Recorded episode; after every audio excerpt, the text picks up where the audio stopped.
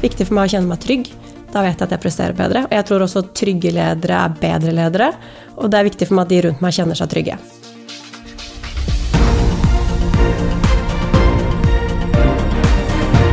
Dette er All In med Oslo Business Forum. Dagens gjest kan og er lidenskapelig opptatt av ledelse og retail. Hun startet sin første butikkjobb som 15-åring og ble leder som 27-åring. Stine Trygg Hauger var daglig leder for Claes Olsson fra 2017, og byttet nylig arbeidsgiver til XXL. Hun er beskrevet som engasjert, tydelig, åpen, direkte og resultatorientert. Stine, er du enig i dette? Ja, det tror jeg er en god beskrivelse. En bra start. Men så er du også forfatter. Ja, Og i fjor så kom det ut en bok som har den flotte tittelen 'Når timene flyr'. Tips og triks for å ha det gøy på jobben. Mm, Gratulerer. Takk. Hvordan var det å være forfatter? Det er jo litt gøy. Litt stas. Kunne si det. Jeg hadde jo ikke trodd det eh, for noen år siden. Nei, Nei. men nå er du også forfatter. Ja. Og du har bakgrunn fra BI, eh, fra markedskommunikasjon. Det syns jo jeg, en gammel BI-foreleser, er ekstra stas. Og det jeg håper å lære mer av deg i dag, er én, hvordan tenker en leder med 2500 ansatte i 37 varehus spredd utover landet? To, har du noen lederfilosofi? Og tre, har du noen tips å dele med oss som er nysgjerrig på å lære mer om ledelse? Velkommen til podkasten All In med Oslo Business Forum, en podkast for ledere som er lidenskapelig opptatt av ledelse, innovasjon og strategi.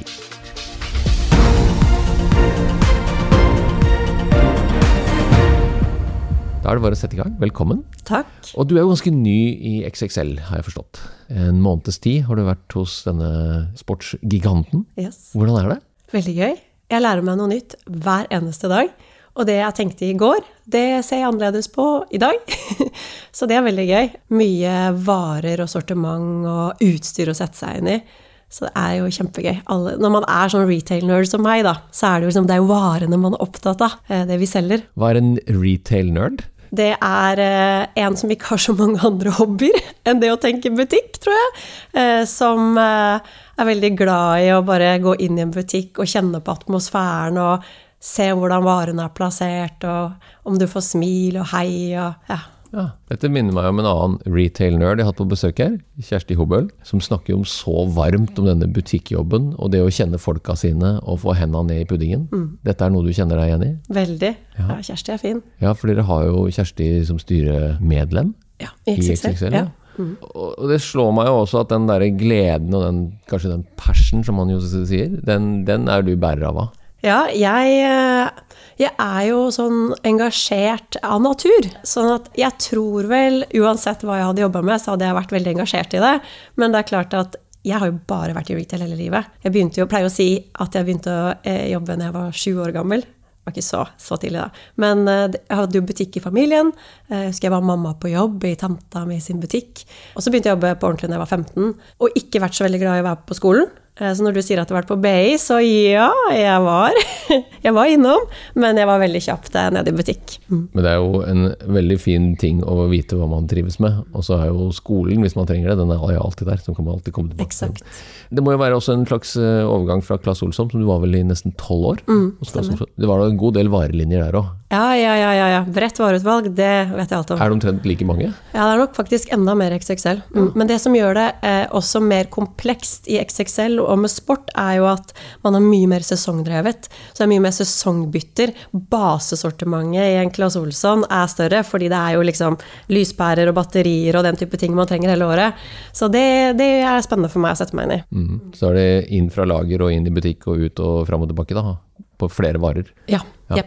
Ja, jeg er ikke veldig, jeg må jo innrømme det, jeg er ikke så ofte i butikk. Jeg er ikke så glad i å gå i butikk. Jeg har ikke den samme passion som deg og Kjersti når det gjelder det der. Men når jeg må i butikk, og det var ikke så lenge siden jeg var i butikk, faktisk denne uken var jeg i en XXL-butikk, og det var helt tilfeldig. Jeg skulle ha nye tursko, og da opplevde jeg at jeg hadde nærmest en kontaktfri handleopplevelse, og jeg elsket det. Ikke mm. det nødvendigvis var en XXL-butikk, men det var ingen som plaga meg og skulle hjelpe meg med hist og pist og dit og dit og datt. Bortsett fra at jeg klarte ikke helt uh, den kontaktfrie greia, for jeg måtte ha hjelp til å ta den alarmen. Men er det fremtiden for varehandel, sånn det jeg snakket om nå? Det vi tror er fremtiden i XXL, det handler om valgfrihet. Og det er mange som bruker ordet omnichannel. Jeg er ikke så veldig glad i det ordet. Det Jeg tenker at det handler om valgfrihet. Fordi du er den kunden, ikke sant. Nå ville du inn. Du ville gjerne prøve Du prøvde fotskanneren, ikke sant? Nei, det gjorde jeg ikke. Fikk du ikke skanna føttene dine? Hva skal jeg med det? Jeg vet jo hvordan føttene mine er. Nei, det er det du ikke vet, skjønner du. Og den fotskanneren den gir deg så mye bra informasjon som gjør at du får perfekt guiding, og det kan du også gjøre kontaktløst. Pokker.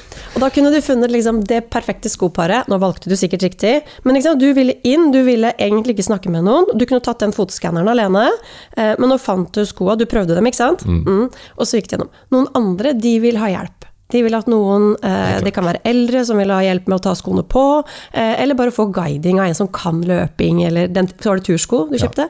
ja. Kunne møtt en superekspert på topptur. Mens, eh, og noen vil handle på nett og få det levert hjem. Og det er den valgfriheten, da. Det tror jeg det er den eh, som betyr noe fremover. Så det man skal gjøre nå, er å ta kompetansen til de ansatte i butikk, og så gjøre den tilgjengelig for nærmest selvbetjening. Inklusiv utsjekken av varer. Så man må jo også tenke sant, Prosessen er jo den samme. Kunder kommer inn, enten via nettet Mm. Yes. eller i butikken. Yes. Og så skal man helst gå ut derfra med en vare under armen og med et smil om munnen. Er det ikke sånn? Mm. Jo. Hvordan jobber man da?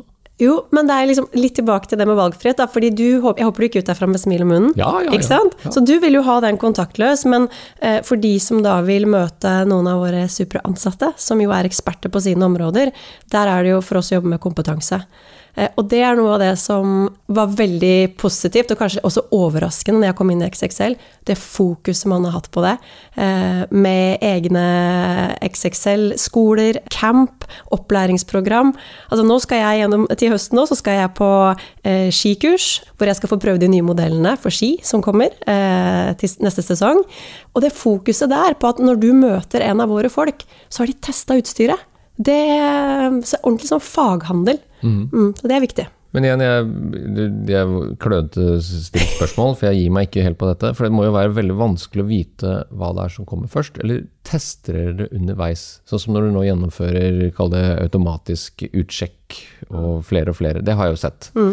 Så ofte er jeg innom en sportsbutikk at jeg ser at den endrer seg i utsjekkpunktet der, i kassapunktet. Det blir flere og flere selvbetjente løsninger. Yes. Gjør dere det mens dere går, eller har dere en sånn plan på å implementere det der? Nei, det er mye pilotering i retail. Vi tester masse, eh, og det mindsetet tror jeg man må ha, fordi det kommer ny teknologi, det kommer nye løsninger. Så det å liksom eh, jobbe på den måten, det er en del av en retailers hverdag. Og så har man andre liksom type strategiske prosjekter som man eh, ruller ut på en annen måte, men den derre teste, funker det i praksis? Eh, det, det er en retail-hverdag. Det er ikke lenge før vi får en sånn 24 timers selvbetjent eh, sportsbutikk på Ha- Hafjell og Norefjell og sånt, da, tror du ikke det? Sånn som noen dagligvarebutikker har begynt med? Det blir spennende å se. Ja. Ja, noen kommer til å gjøre det der. For behovet er jo der, ikke sant. De trenger et eller annet, og de trenger det instant. Men jeg må jo si også en ting som vi eh, ser mye på, handler jo om hvordan vi kan tilby mer tjenester. Eh, og noe av det som jeg alltid har digga med XXL før jeg begynte, det har jo vært at verkstedene har vært hjertet i varehusene. Og nå som vi blir mer og mer bevisste som forbrukere, du vil øke levetiden på den sykkelen, ja, men da må du vedlikeholde den. Vi kan reparere ting. Eh, du kan få strenga rackerten din, tennisrackerten din, i et XXL-varehus. Du kan eh, slippe skøyter. De tjenestene der, de, det er også liksom en del av denne valgfriheten, men som vi også ser etterspørselen bare øke på. Mm. Der har dere en jobb å gjøre, faktisk. fordi at, eh, Jeg vet ikke om du kjenner til det. det er eh, BI, vår tidligere utdanningsaktør, har jo laget et bærekraftsbarometer. Yes. Og der hadde de jeg tror de hadde nesten 5000 respondenter. Dette er jo ren sånn markedsanalyse, så noen av mine gamle kollegaer kommer nå til å grine litt på nesa når jeg sier at ja da, 5000 respondenter, og på litt sånn eh, spørsmål som man har tenkt seg ut, så rangerer man, gir man score. Og det er tydeligvis at det budskapet ditt om disse reparasjonsverkstedene, den må dere få opp. Yes. For jo tydeligere du får opp den, jo mer reparasjon og sirkularitet, det øker jo troverdigheten hos kunden. For dere er ganske langt ned på den lista. du Den har jeg ikke sett. Den må dele med meg. 150 totalt. og Dere er på 145. plass. Ja, Rett over henne Hennes og Maurits. Pussig nok rett bak Netflix. De liksom lurer litt på hva som var dette her. Men dere er over Kjersti Hobøl, da. Nei, men vet du hva, det, der har eh, alle en jobb å gjøre, og vi skal være en del av løsningen. Og jeg tror jo at det å finne nye sirkulære forretningsmodeller, det er det viktigste vi kan jobbe med om dagen. Og det er liksom et annet, eh, annet prosjekt som vi holder på med nå, som er hvordan vi også kan reparere turutstyr da, telt, sekker, soveposer.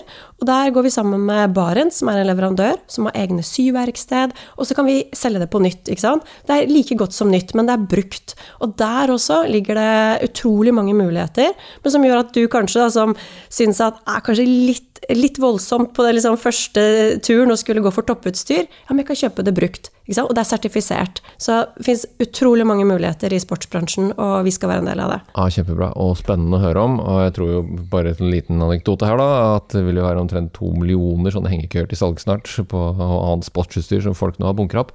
Fordi det har jo vært et veldig, veldig rart år. Mm. Jeg er også litt nerdete, så jeg har liksom fulgt litt med økonomi og slikt. Litt, kanskje litt med mer interesse enn mange andre, kanskje. Mulig jeg tar noe feil. Men jeg husker jo at sportsbransjen ved inngangen av 2020 hadde veldig liksom, røde tall. Det gikk veldig dårlig. Mm. og det var snakk om, Jeg tror dere tok store avskrivninger også i XXL. Altså mm. slutten av vintersesongen 2020. Mm. Og så ble det jo tidenes år. 2020. Aldri gått bedre. Mm. Og det har jo starta veldig bra i 2021 også. Mm. Så jeg vet ikke om du har noe sånne Det vil jeg tro det gjaldt vel også Claes Olsson, for hjem og interiør og, og byggvarekjeder og andre ting. Så folk har jo blitt tvunget til å være hjemme. Mm. Ser du da, Tror du dette kommer til å vare? Altså Den der gleden av å gå på tur i, i norsk natur, har det, får det varig spor? Det vi ser allerede i år kontra i fjor, er at de som kanskje hadde sin første opplevelse ute, da, og hadde norgesferie og tenkte at ja, nå må jeg ut i marka òg. Eh, de kjøpte liksom, kanskje liksom entry level, eh, inngangsutstyret, prøvde, og nå avanserer de. Ah. Og de som kanskje liksom prøvde noe, lånte noe av naboen, nei, vet du hva, det her vil jeg fortsette med. Sånn at jeg tror faktisk at eh, det vi ser, hvordan vi liksom nyter og bruker eh, villmarka og naturen eh, det, jeg, jeg, tror det har kommet for å bli, uh, for mange flere har fått teste det. Men det vi er mest glad for nå, er jo at breddeidretten åpner igjen. At vi, at vi, kommer i gang. Ja, men Det er vi vel alle helt enige om. Ja. Og det er jo fint. Og også bare små, korte turer å komme seg ut. Det, og det er jo kjempebra. Så får vi se, da, når all inclusive-marerittet gjenåpner, og mm. folk tror at de må til Syden og Sverige og kjøpe Pepsi Max. Jeg skal ikke gå der. Men hvordan tenker du egentlig? Altså, du sitter jo der og styrer og ordner med 30 97 varehus og 2500 ansatte. Hvordan er, liksom, hvordan er, beslutningsprosessene dine? I retail, vet du, det er jo derfor jeg tror jeg liker det, og har eh, vært så lenge i retail, så er det jo kjempetempo. Så det går ganske raskt, altså. Det er ikke noen sånne lange beslutningsveier. Og en vanlig hverdag for meg, den er eh, høyt og lavt, stort og smått. Og det må du like, da. Hvis ikke du liker det, hvis du er sånn som liker å være oppe i skyene og har sånn femårsbriller hele tiden, ja, da tror jeg ikke retail er noe for deg. noen må jo tenke lange tanker det. jo, men du må klare deg å balansere det. Ja. Eh, og så er det at, som vi var inne på det i stad, det her med å pilotere og teste. Det skjer så mye. Sånn at du jeg tror du må liksom være ydmyk for at du kan godt ha en sånn femårsplan, men det kan skje mye på veien. Og det som er kult i retail, er at du får så utrolig rask respons. Mm. Du blir målt hver dag. Ja, umiddelbart, ja. Ja, ja. Første jeg ser på når jeg våkner, det er salgstallene fra i går. Ja, ikke sant? Traff vi eller traff vi ikke? Ja, Og så justerer du etter det? Mye kan du justere. Og så er det langsiktige linjer også med innkjøp. Men netthandel, f.eks., mm. er jo kjempespennende. hvor hvor raskt du kan eh, endre og ja. Her kommer det litt sånn filosofisk, kverulantisk eh, problemstilling. Ja, det er jo fortsatt å se i speilet. Ja. For de tallene er jo målt for en time siden, eller et døgn siden, eller en uke siden. Mm. Så man kan jo noen ganger ta feil. Mm. Og så er det kunden vil noe annet allikevel. Mm. Kunden trenger mer hjelp, mm. eller kunden vil ha det bøndla sammen med en annen produkt eller en annen tjeneste. Mm. Hvordan jobber dere da? Har dere liksom føtter ute i hva heter det for noe, ute i marken der? Absolutt. Og nysgjerrighet, da, det er jo noe av det jeg er mest opptatt av. Man prater jo mye om kompetanse og omstilling og hva man trenger fremover. Men jeg mener jo at den egenskapen som trumfer alt, er nysgjerrighet. Og det å være nysgjerrig på trender, på hva som skjer i andre land, som kanskje er foran oss på visse områder. Innkjøperne våre, det er jo de mest nysgjerrige menneskene vi har. De som jobber med logistikk, kanskje enda mer nysgjerrig, som handler om liksom hvordan får vi effektivitet hele tiden? Hvordan får vi maskiner, roboter og mennesker til å jobbe optimalt sammen? Sånn at eh, Nei, det handler om å dyrke nysgjerrighet, eh, og sette også innsikt litt i system. Mm. Så ja, du kan si det med, med, at du ser i speilet og at det er historikk, men tenk på alle de transaksjonene vi sitter på i retail. Da. Som gir oss mye informasjon. Ja, og jeg tror det er krevende også å skille jeg, litt sånn flåste epler fra bananer og druer og en, av og til en mango. eh, av de tallgrunnlaget man kan styre etter. Da. Så, men det er jo spennende å høre på deg hvordan du argumenterer for at hvis du holder nysgjerrigheten på tå hev, mm. at det er det man er enig om, at ja, vi ser etter noe som vi ikke helt vet her. Dette, jeg har undervist i mange år i entreprenørskap, og dette er jo definisjonen på entreprenørskap. Cracks in the wall. Altså du ser etter hvor det er muligheter, eller hvor det, Yes. det kan være et eller annet som ingen andre har tenkt på. Og så tester man ut det, og så gjør man mer av det som gir resultat. Yep. Ja, innovasjon og entreprenørskap. Det er det du driver med, Stine. Ja, og det er jo, for å ta det her eksempelet med hvordan vi skal eh, begynne med eh, resalg av um, telt og det her som vi reparerer, da, og utstyr, det tar vi da tester ut i varehus. ikke sant? Bygger den avdelingen, ser hvordan kunden responderer, og så kan du skalere. Så kan du gå fra 2 til 37. Så det er jo det. Ja, nei, enig. Har du noen lederfilosofi? Ja, det har jeg. Jeg vet ikke om hvor avansert og fancy den er, da. Den er veldig enkel. Eh, Jeg har lyst til å gjøre en positiv forskjell. Eh, Enten det er eh, for de jeg jobber med, for de ansatte, om det er for kundene, eierne og samfunnet. Ja. Så den er veldig enkel, da. Men det det, den, den bruker jeg en del. Når jeg står i vanskelige dilemmaer eller problemstillinger, hvordan kan jeg gjøre det sånn at dette faktisk blir en positiv greie da, for deg? Ja. Og det gjelder alle? Du differensierer ikke på de Nei. stakeholderne der? Det er liksom, du vil gjøre forskjell for alle? Ja, og så kan det selvfølgelig noen ganger komme i konflikt. Mm. Men det er jo det som gjør det litt spennende å ha den filosofien, da. Hvordan kan jeg da allikevel prøve å gjøre en positiv forskjell? Og så hjelper det jo noen ganger, da, hvis du kan argumentere godt for den ene stakeholderen hvorfor dette er positivt. ja, du skjønner. Men Har du alltid vært sånn, eller er det noe du har lært deg mens du nå har vært Du har jo blitt formet i ledergjerninger fra du var rundt 27, og jeg tror nok du hadde litt sånn lederaspirasjoner før det også, mistenker jeg. Det er ikke sånn du blir fisket opp av Claes Olsson og sier at du skal være i ledergruppen vår. Eh, Og så nå hvor du har god erfaring med det, endrer den seg, den her filosofien din? Ja, men vet du hva, jeg konkretiserte den ikke før for noen år sia. Sånn at den har nok vært der. Det har nok vært liksom bare en del av meg. Og så tror jeg liksom jeg, jeg satte ord på den. Eh, og det, det har jeg også gjort med verdiene mine. Ikke sant? Verdier er jo De ligger der jo hele tiden fra du er liksom Det har også konkretisert, og det har liksom vært viktig for meg, da. For det er jeg ganske transparent med. Husker du de, da? Ja, ja. ja. Det er eh, fem stykker. Det er åpenhet. Det er viktig for meg å kunne være åpen. Jeg har jo da, som du ser, ikke noe pokerfjes. Sånn at du ser veldig godt på meg om jeg kjeder meg eller syns noe ikke er bra og sånn. Så jeg er bare veldig åpen. Tenker at det er fint at det er forutsigbart. Du vet hvor du har meg. Eh, Men det er også viktig for meg at det er åpenhet rundt meg. Jeg liker ikke sånn eh, Nei. Trygghet er en annen ting. Viktig for meg å kjenne meg trygg. Da vet jeg at jeg presterer bedre. Og jeg tror også trygge ledere er bedre ledere. Og det er viktig for meg at de rundt meg kjenner seg trygge. Så har jeg nysgjerrighet, faktisk. Jeg vet ikke om jeg kan kalle det for en eh, verdi. Men eh, det, å, det er ikke alle som er nysgjerrig. Men jeg tror at kan du, den kan du øve litt på, den egenskapen. Sant? Bare når du går inn i modus Å, herregud, kommer du igjen liksom med det der? Eh, nei, men hvorfor, hvorfor, hvorfor kommer det, da? Eh, stille litt smarte spørsmål, da. Og så liker jeg å holde ting enkelt. Eh, At det er effektivt. Ikke noe, ja, liker ikke liksom mye problematisering. Så det er liksom holde ting enkelt, eh, og rettferdighet. Ja, det er vel de fem. Jeg skjønner jeg deg da at du også sier dette til dine mellomledere og andre, at de må jobbe med verdiene sine og ha en tydelighet rundt seg som, og trygghet rundt seg som ledere? Ja, det har jeg vært ganske opptatt av. Og første, noe av det første jeg gjorde når jeg møtte alle de 37 varehussjefene våre nå, var at jeg delte verdiene mine. Fortalte hva det betyr for meg, og også da hva de kan forvente av meg. Og at det er dette jeg liksom Dette er meg.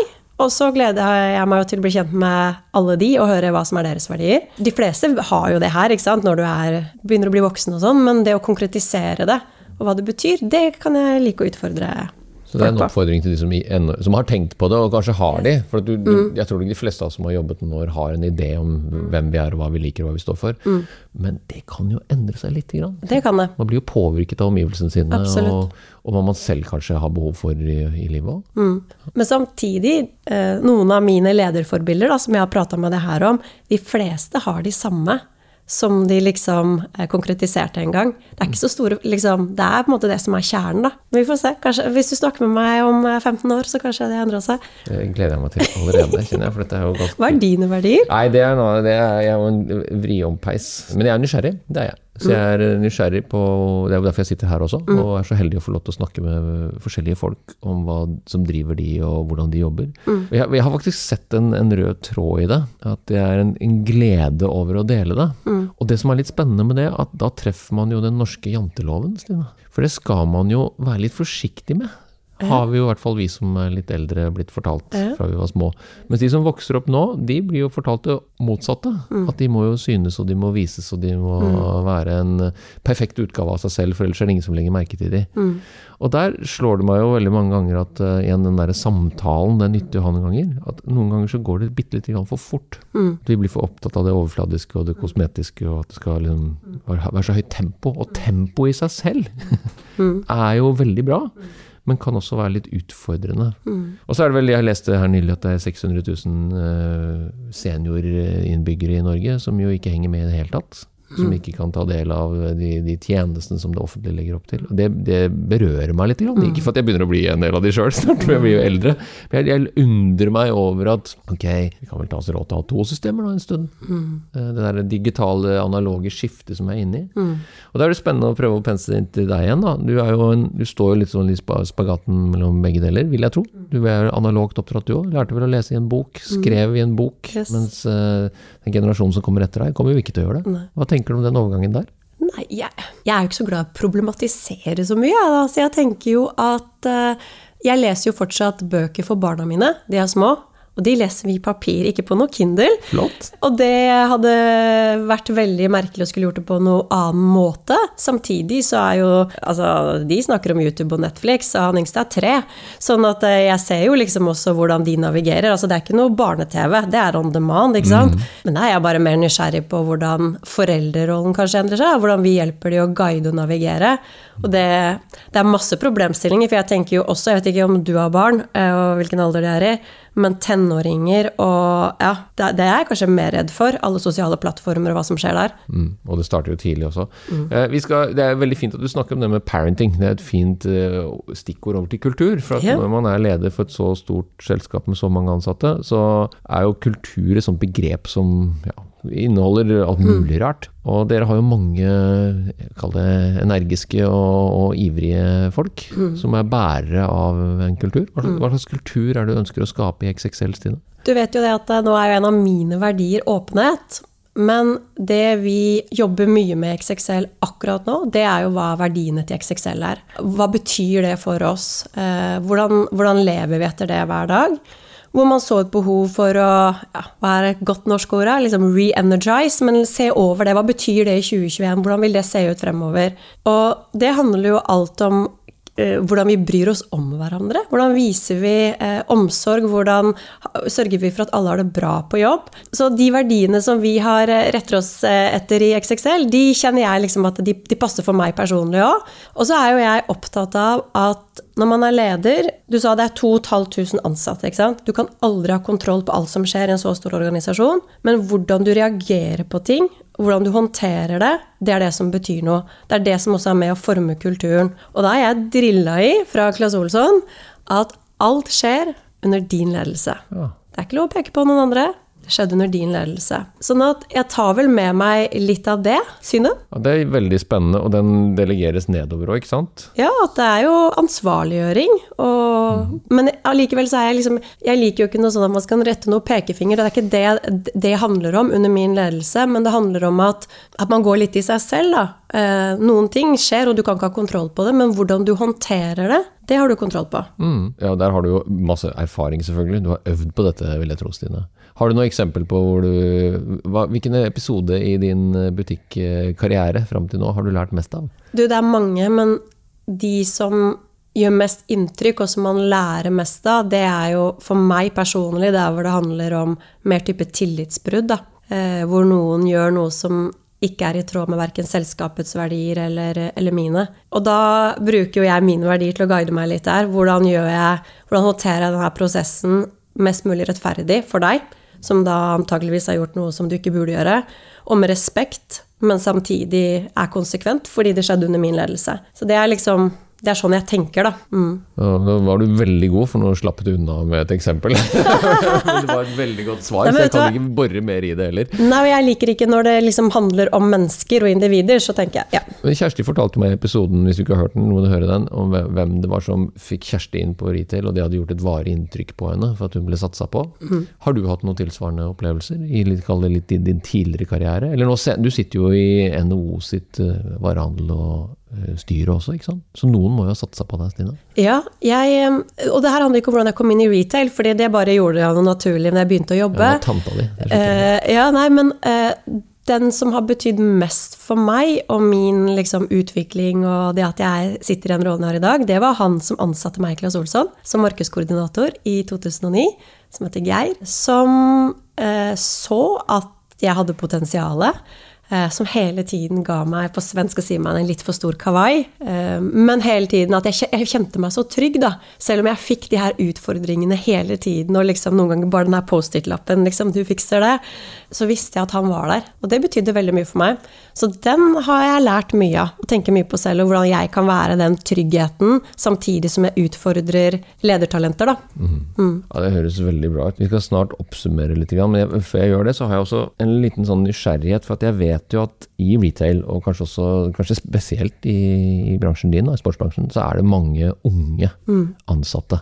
Og, og kanskje litt sånn litt flåste sagt, litt testosteronbelagte. Og det, hvordan jobber man med alle disse unge fremadstormende og til dels flinke folka for å forme de til å, til å ha de riktige holdningene og vise empati og være nysgjerrig og ikke bli for ivrige, da. Hvordan gjør man det? Det handler jo om lederskap, og veldig mye av det starter jo med varusjefene våre, med cellelederne, eh, de som jobber hver dag med å coache mennesker og utvikle mennesker. Og da handler det også om å gi de utvikling, da. På XXL så har man jo leadership challenges, vi har eh, mange måter å gi det faglige påfyllet. Og så handler det mye også om hvordan vi rekrutterer, da. Eh, Og det jeg liker godt med retail, er jo at eh, det er mulig å gjøre karriere. Og at veldig mange begynner, og så får man mer og mer utfordringer. Litt det samme med min opplevelse. ikke sant? Kawaien blir større og større, eller skjorta blir større og større. Og så er man klar en dag. Og jeg pleier å si det, at jeg mener at det å jobbe i butikk, det er den beste lederskolen man kan gå. Du lærer deg tempo, du lærer deg business, og du blir en god menneskekjenner. Og for om du ikke starter som leder, eh, så når du jobber i butikk, så lærer du deg å håndtere all slags type mennesker. Dårlig humør, godt humør. Ja. Og det er bra, det. Ja, vi har vel alle, forhåpentligvis mange, jobbet i butikk, jeg også. Og det var veldig spennende. Og jeg har, tenker, om ikke daglig på det, så, så vet jeg at det har formet meg. Og, og det syns jeg var veldig fint oppsummert. Og jeg har i tillegg da, til, til Geir, da, din, eh, som hadde det å være trygg og det å gi utfordringer til andre, det, at, det å ha noen sånne rollemodeller, det håper jeg alle har. Og jeg, garan- jeg er helt sikker på at du er en sånn en. Så det må du fortsette å, å, være.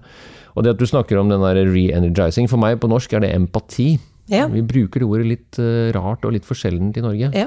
For det å være empatisk betyr ikke nødvendigvis være dumsnill og, og tilgi alle dumme ting som blir gjort. For dumme ting kommer til å bli gjort. Ja, ja, ja. Folk kommer jo til å ta feil valg. Men det å da være en tydelig leder, for du glimta litt Eller du glimter til hele tiden, men du, du ble plutselig sånn tydelig her. på Det at når det er under din ledelse, underforstått av du som nå hører på, det er, det er ditt ansvar, da nytter det ikke å, å bare som vende det andre kinnet til og gi dem en ny sjanse, og ja, men det går nok bra neste gang. Da må det få konsekvenser. Et vanskelig ord. Ja, men i det da, så ligger det også en tydelig forventningsavklaring. ikke sant? Og det er ikke sikkert at det får konsekvenser første gangen, det kommer helt an på hva som har skjedd, men her er det jeg forventer neste gang det skjer. Det er mitt ansvar å sørge for at vi er enige om det, og at eh, det er forstått. Og da kan man heller begynne å snakke om konsekvenser, da, i min verden. Er du, er du enig? Ja, veldig. Jeg sitter bare her og smiler. Og det er, det er så fint oppsummert, Stine. Og jeg tror faktisk, eh, ikke for bare min egen del, men en oppfordring til deg også, jeg skal lese denne boken når timene flyr. Jeg er jo veldig glad i å være glad på jobben, så bare der har du funnet deg en leser. Jeg visste ikke at det var en sånn bok, men nå skal jeg skaffe meg den. Og så gleder jeg meg å gi deg en tilbakemelding på den. Og så skal du ha tusen takk for at du tok deg tid til å komme og snakke med oss i All In med Oslo Business Forum. Veldig hyggelig å få komme. Hvis du likte denne podkasten, hadde vi satt utrolig stor pris på om du abonnerte og gir oss en tilbakemelding i avspilleren. Spre gjerne ordet videre til andre ledere som er lidenskapelig opptatt av ledelse, strategi og innovasjon. Mitt navn er Tor Haugnes. Sammen er vi all in med Oslo Business Forum.